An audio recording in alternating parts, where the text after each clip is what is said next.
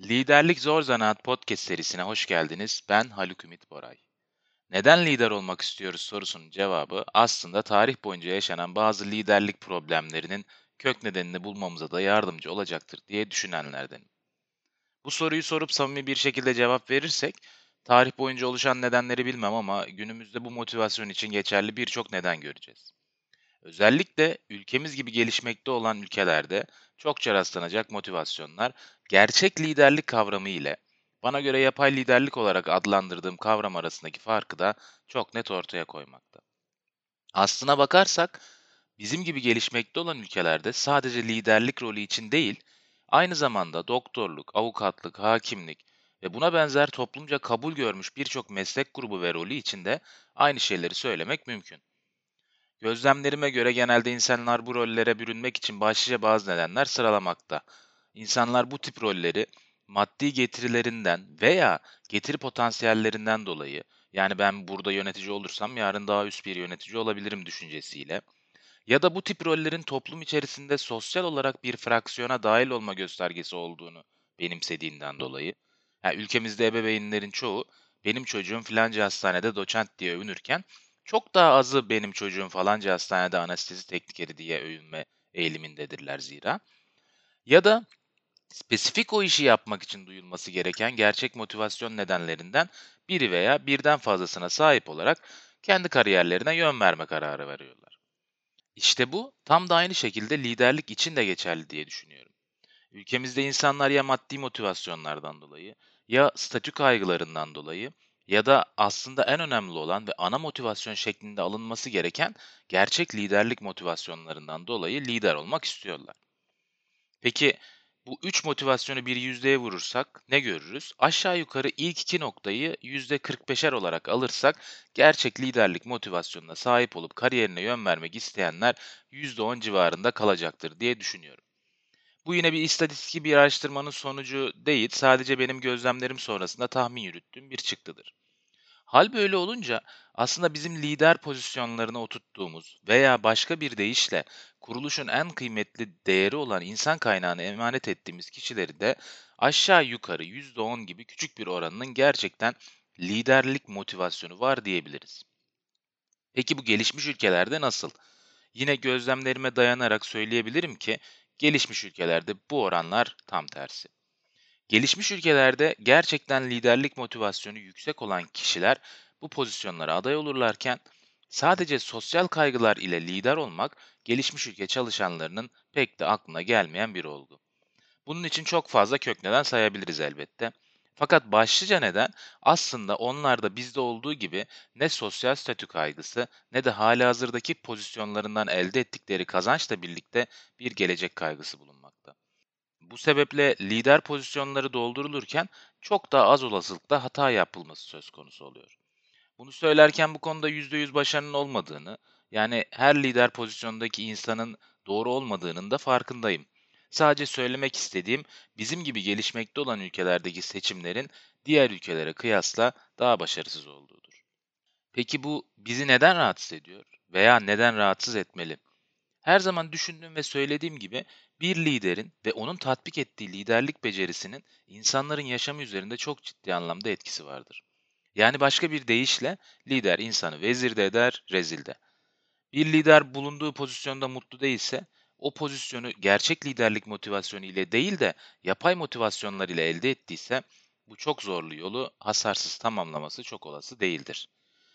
Üstelik bu hasar sadece kendinde yarattığı tahribatlar değil, liderlik etmeye çalışırken hayatına dokunduğu bütün insanların hayatındaki tahribatlar ile hızla yayılan bir salgın hastalık olacaktır. Sizlerin de bu noktaları dinlerken muhakkak kafanızdan bu veya buna benzer kişi veya durumları geçirdiğinizi biliyorum. Çok normal zira sayıları gerçekten azımsanmayacak kadar çok. Peki neler yapılmalı? Bu soruya iki değişik açıdan bakmamız gerekmekte. Liderliğe aday olanlar ve o adayları değerlendirenler. Bir şekilde lider olmak isteyen insanların öncelikle kendini çok iyi tanıması ve öz farkındalığını çok objektif bir şekilde geliştirmesi gerekmekte. Bu söylemesi kolay ama yapması biraz meşakkatli bir iş. İnsanın kendini tanıması için kendisi dışında birçok insana ihtiyacı var ve aynı zamanda gerçekleri duyup onların üstesinden gelmek için çok kararlı bir duruşa. Bu kendini keşfetme yolculuğu insana en temelde ben kimim, ne gibi şeylerden hoşlanırım, beni tetikleyen, beni motive eden noktalar nelerdir, nelerden hoşlanmam, neler beni mutlu etmez, hatta demotive eder sorularının cevaplarını çıplak bir şekilde önüne dökmesini sağlayacaktır. Ya zaten bir insan kendiyle ilgili bu gerçekleri çok net bilir. Neden bu konu zor olsun ki diyorsanız biraz yanıldığınızı söyleyebilirim. Olgun bir öz farkındalık sahibi olmak göründüğünden biraz daha zordur. Çünkü genelde insanlar neyi duymak isterlerse onları kendilerine tekrarlarlar. İnsanların kendilerine ikna kabiliyeti gerçekten çok yüksektir. Bu sebeple her pazartesi diyete başlar, pazartesi öğlen yemeğinde diyeti bozarlar.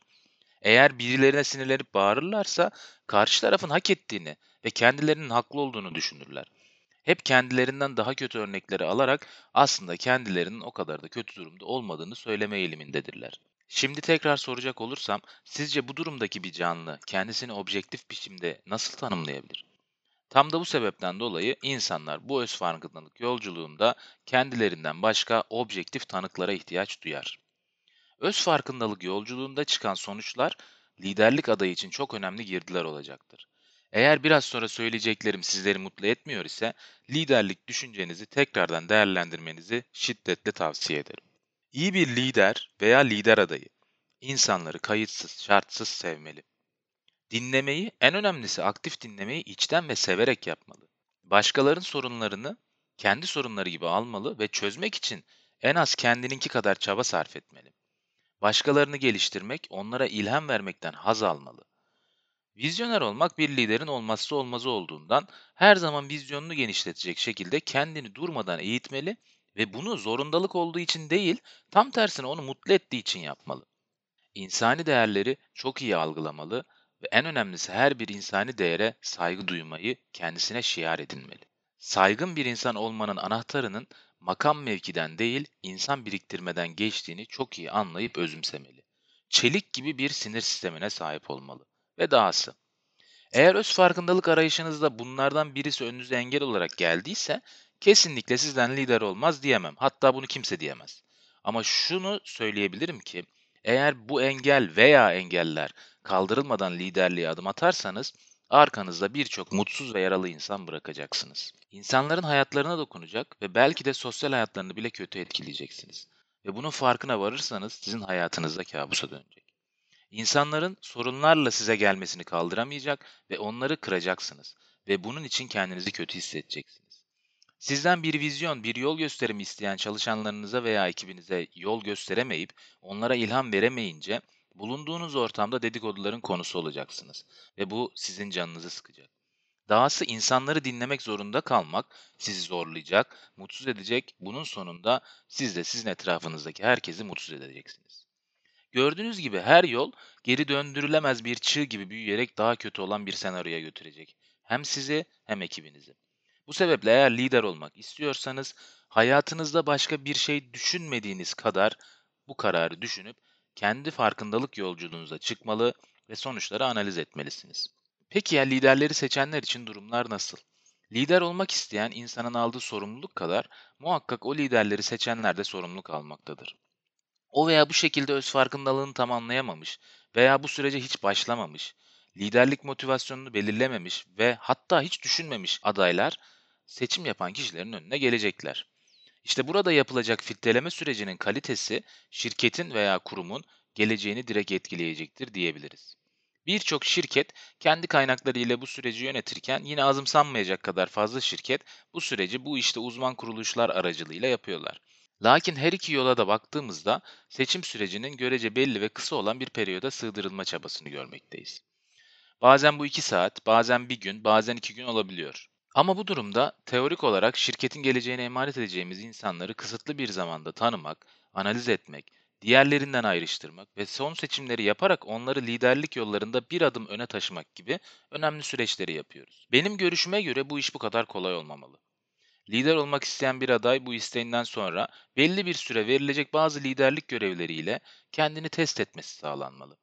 Bu sırada sadece kendisi veya patronunun geri bildirimleri değil, o sürece girdi sağlayan ve sürece maruz kalan herkesin görüşleri alınarak aktif bir besleme yapılmalı. Bu şekilde Bu süreçte kendisini daha iyi tanıma veya aday olduğu görevi daha yakinen gözlemleme şansı bulan aday, gerçek motivasyonunu tekrar sorgulayabilir ve gerçeğe biraz daha yakın analiz yapma şansı yakalayabilir. Öte yandan yapılacak değerlendirmeler hem daha gerçeğe yakınsayan hem de daha objektif olacaktır. Seçim sırasında yapılan ve çokça gözlemlediğim bir başka yanlış ise görevlerinde iyi olan insanların aynı zamanda iyi bir lider olacağı gerçeğiyle yola çıkılmasıdır. Yani bir insan mevcut görevinde harika işler çıkarıyorsa şüphesiz süper bir lider olabilir düşüncesine sahip olmak. Halbuki bu çok ciddi bir yanılsamadır. Bir insan çok iyi bir mühendis olabilir ama bu onun iyi bir lider olacağı anlamına gelmez. Aynı zamanda iyi bir genel cerrah, kesinlikle iyi bir başhekim olacaktır düşüncesi de aynı yanılsamadır. Zira liderlik ayrı bir formasyondur. Yani bunu ayrı bir üniversite bölümü olarak düşünebiliriz. Bir mühendis, üniversitede mühendislik formasyonu üzerinde eğitim görerek mühendislik becerilerini geliştirmektedir. Bu insan lider olduğu veya lider olma fikrini benimsedikten sonra ayrı bir formasyona sahip olmaya da aday olduğunu bilmelidir. Haliyle bu ciddi anlamda zorlayıcı ve zaman gerektiren bir iştir. Seçimlerimizde bu yanılgıya düşmeden adayların liderlik formasyonunda ne durumda olduğunu değerlendirmek en iyi sonucu verecektir. Özet olarak liderlik motivasyonlarımızı iyi tartmalı ve hem kendi hayatımız hem de liderlik yapacağımız müstakbel çalışanlarımızın hayatlarını olumlu veya olumsuz yönde etkileme potansiyelimizi çok iyi anlamalıyız. Lider adaylarımızın seçiminin aynı zamanda şirketimizin veya kurumumuzun geleceğe bakışının bir öncüsü olacağını unutmadan yenilikçi yöntemlerle bu seçim sürecini tamamlamalıyız. Bunları yaparken işinde iyi olan insanların hak ettiği hijyen faktörlerinin onlara sağlanmasını garanti altına alarak maddi veya sosyal kaygılar ile lider adayı olan insanların sayısını azaltmaya odaklanmalıyız diyorum ve bir bölümün daha sonuna geldiğimizi söylemek istiyorum. Bir sonraki bölümde görüşmek üzere, kalın sağlıcakla.